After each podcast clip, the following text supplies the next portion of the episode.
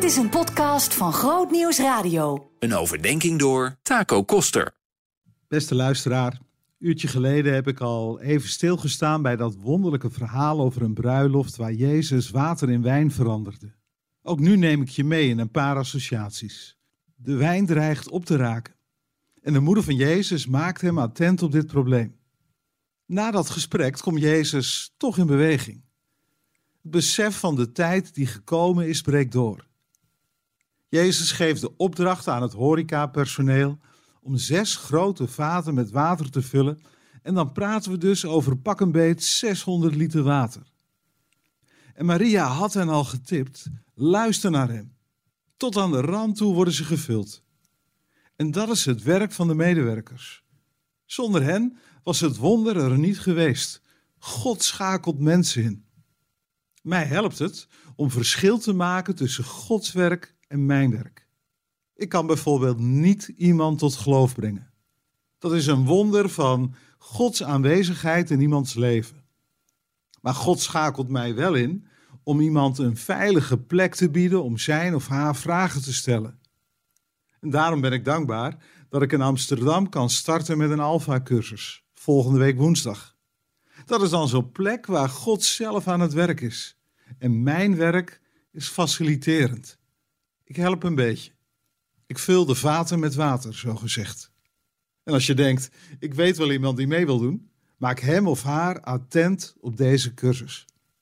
Nog een laatste associatie bij dit verhaal.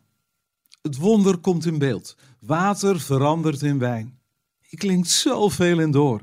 Dat water, daar kun je geen feestje mee bouwen. Het verwijst, wat mij betreft, naar de gebrokenheid die we in ons leven ervaren. Eigenlijk raken alle goede dingen in het leven beschadigd.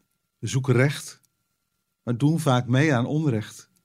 We zoeken liefde, maar onze relaties gaan stuk of raken beschadigd. We zoeken naar spiritualiteit, maar vereren vaak afgoden als geld en macht. We zoeken naar vrijheid, maar leven als slaven van onze agenda en ambities. In die realiteit staat dit verhaal. Water wordt wijn. De vreugde breekt door. Het feest moet gevierd worden. Alles wordt anders als God aanwezig is en Zijn aanwezigheid brengt jouw leven en brengt deze wereld op een ander spoor. Dat is het perspectief van dit wonder. Vreugde. Het eerste wonder dat Johannes beschrijft, zet de toon van het evangelie. Dit teken verwijst naar God. Hij laat mensen die vastlopen niet in de steek en hij herstelt de vreugde.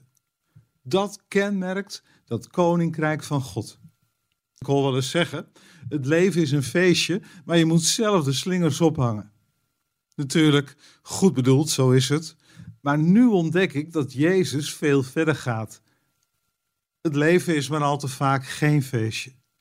Maar ook dan mag je erop vertrouwen dat God je niet in de steek laat.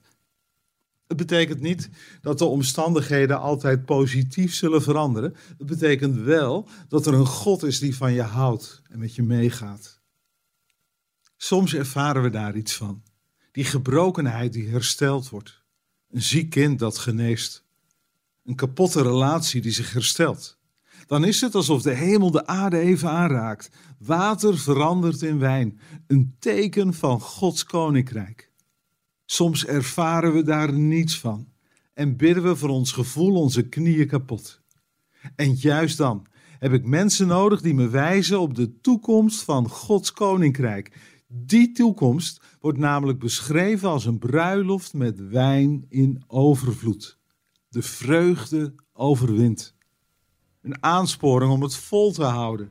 Een aansporing om te blijven bidden. En een aansporing om te blijven geloven. God laat ons niet los.